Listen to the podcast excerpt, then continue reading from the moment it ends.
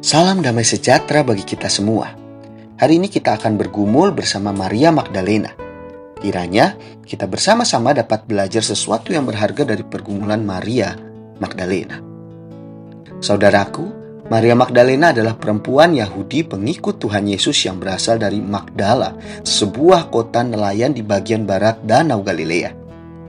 Nama Maria Magdalena disebutkan 15 kali dalam kitab Injil Matius, Markus, Lukas, dan Yohanes. Maria Magdalena adalah perempuan yang telah dibebaskan dari tujuh roh jahat. Maria Magdalena adalah perempuan luar biasa yang memiliki kesaksian hidup yang sangat memberkati. Sejak ia mengenal Tuhan Yesus, ia tidak dapat melupakan kasih Tuhan Yesus dalam hidupnya. Mengapa? Karena Maria Magdalena sadar bahwa tanpa kasih Tuhan seumur hidupnya akan menderita karena terikat oleh tujuh roh jahat. Selain itu, Maria Magdalena juga menyadari bahwa tanpa kasih Tuhan, seumur hidupnya akan kehilangan masa depan dan tubuh serta jiwanya akan binasa selama-lamanya.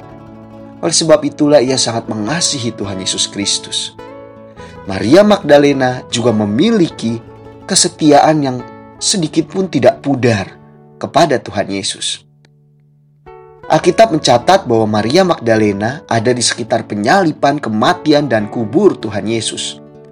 Sedikit pun Maria Magdalena tidak malu dan tidak pernah takut menunjukkan identitasnya sebagai pengikut Tuhan Yesus.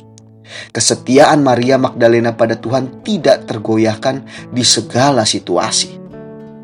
Saudaraku, marilah kita belajar bersama-sama dari kehidupan Maria Magdalena, yaitu mau belajar untuk menjadi orang Kristen yang senantiasa mampu menjadi berkat melalui kehidupan yang tidak melupakan kasih Tuhan rela berkorban dalam melayani Tuhan dan memiliki kesetiaan yang luar biasa pada Tuhan yang tidak akan pernah pudar oleh karena apa pun.